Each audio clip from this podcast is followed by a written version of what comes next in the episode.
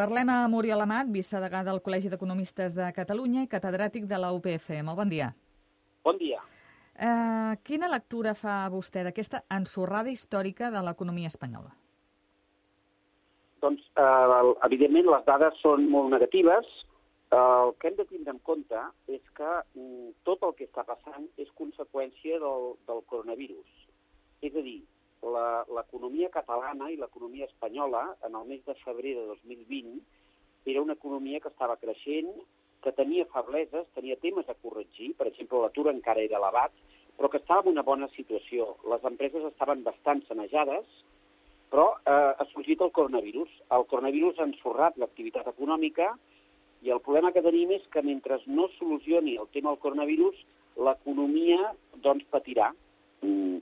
Ara la previsió que hi havia és que en el mes d'agost i juliol el coronavirus s'aniria de vacances i estaria parat, diguem-ne. Uh -huh. No s'ha complert aquesta previsió que s'havia fet des, de la, des dels experts en medicina i aleshores això està contribuint a que una represa que havia tingut l'activitat econòmica, perquè en el mes de juny l'activitat econòmica catalana, espanyola i europea havien començat a remuntar a poc a poc, clar, això ara s'ha tornat a parar, és a dir, depenent totalment del que passi amb el coronavirus. Per tant, el problema és que tot depèn de, de l'evolució de la crisi sanitària i, per tant, eh, com diu vostè, l'economia evolucionarà en paral·lel a la pandèmia, doncs. Això mateix, perquè, a més, hem de tenir en compte que ara, en el 2020, l'actuació que s'ha fet a nivell governamental, i aquí em referiria tant, eh, sobretot a nivell europeu, també a nivell espanyol i català, els governs han reaccionat ràpidament. No ha passat el que va passar l'any 2008, quan Europa es va despertar pràcticament en el 2012-2013, és a dir, es van perdre 4 o 5 anys abans de començar a actuar amb contundència. En, en aquesta situació actual, els mm. governs han actuat molt més ràpid. Eh, pensem, per exemple, en el cas del govern espanyol, el tema dels ERTOs, que evidentment eh, els ERTOs estan tenint paperassa, en algun cas hi ha hagut retards en els cobraments, però la mesura es va aprovar en seguida. El mateix diríem de les mesures que està prenent l'Institut Català de Finances, l'ICO, en algun cas hi ha paperassa i a vegades es, es retarden, però són mesures que van en la bona direcció i que s'han pres molt ràpidament. Per tant, a nivell econòmic s'està fent el que convé fer.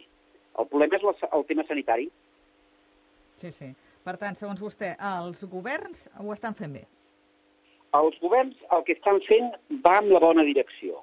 És a dir, eh, Europa i també el govern espanyol i el govern català, no oblidem que el govern català eh, ha dit que posarà 30.000 milions d'euros sobre la taula per la recuperació, els governs han entès que han de rescatar l'economia en general, però sobretot les parts més febles de l'economia.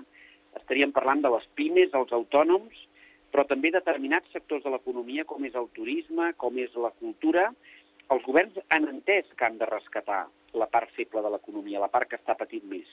I, per tant, les mesures que s'estan prenent van en la bona direcció. El, per poder dir que ho estan fent bé, el que diríem és que convé que s'elimini paperassa, que s'eliminin tràmits, que tot vagi més ràpid i que hi posin més diners i que això ho facin molt ràpid.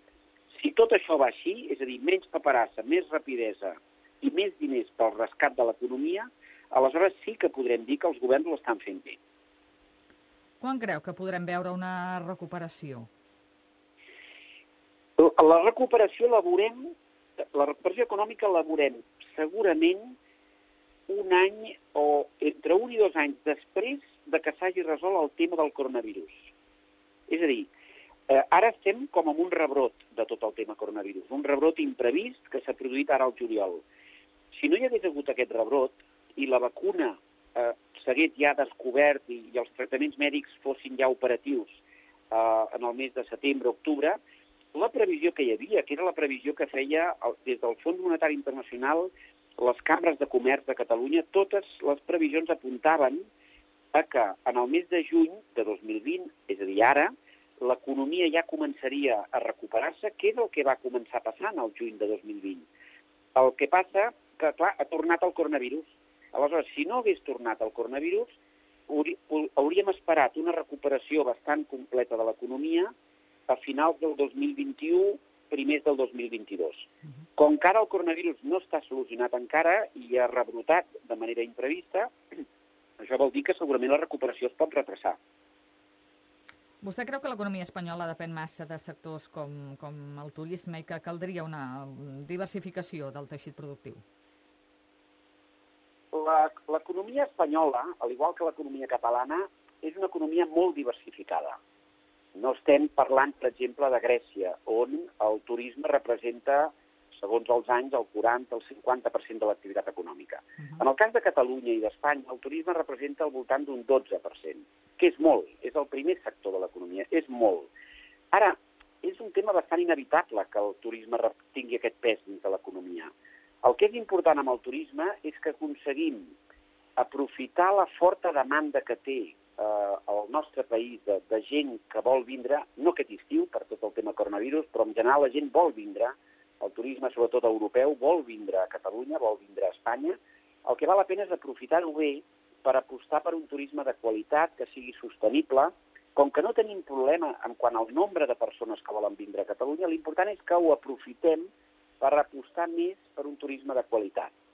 Però no, no és un problema que el, que el turisme tingui un pes molt elevat, perquè tant l'economia catalana com l'espanyola són economies molt diversificades. Si pensem en l'economia catalana, el primer sector és el turisme, però després ve tota una sèrie de sectors industrials molt importants. No oblidem que a Catalunya la indústria representa aproximadament el 20% de tota l'economia, que és el pes que es considera ideal per part de la Unió Europea. Catalunya ja hi som en, el, en la proporció d'indústria que es considera raonable. Uh -huh. I, I és veritat que el turisme representa un 12%, però després tenim tota una sèrie de sectors molt importants, com és, per exemple, l'agroalimentari, que representa un 3%, després ve el sector químic, el farmacèutic, l'automòbil, el sector de l'editorial. És a dir, a Catalunya té una economia molt diversificada, l'espanyola no ho és tant, però també és molt diversificada, i el que diríem és que mm, mm, mm, el problema no és que el turisme representi el 12%, el problema és més aviat que el turisme aconseguim fer un turisme de qualitat on apostem més per la qualitat que per la quantitat. I això pot ajudar a encarrilar millor tot el que és el tema de la sostenibilitat del turisme. Mhm. -huh. Perfecte, Oriol Amat, vicedegà del Col·legi d'Economistes de Catalunya i catedràtic de la UPF. Moltes gràcies per atendre'ns i molt bon estiu. Gràcies a vosaltres i bon estiu. I molta salut.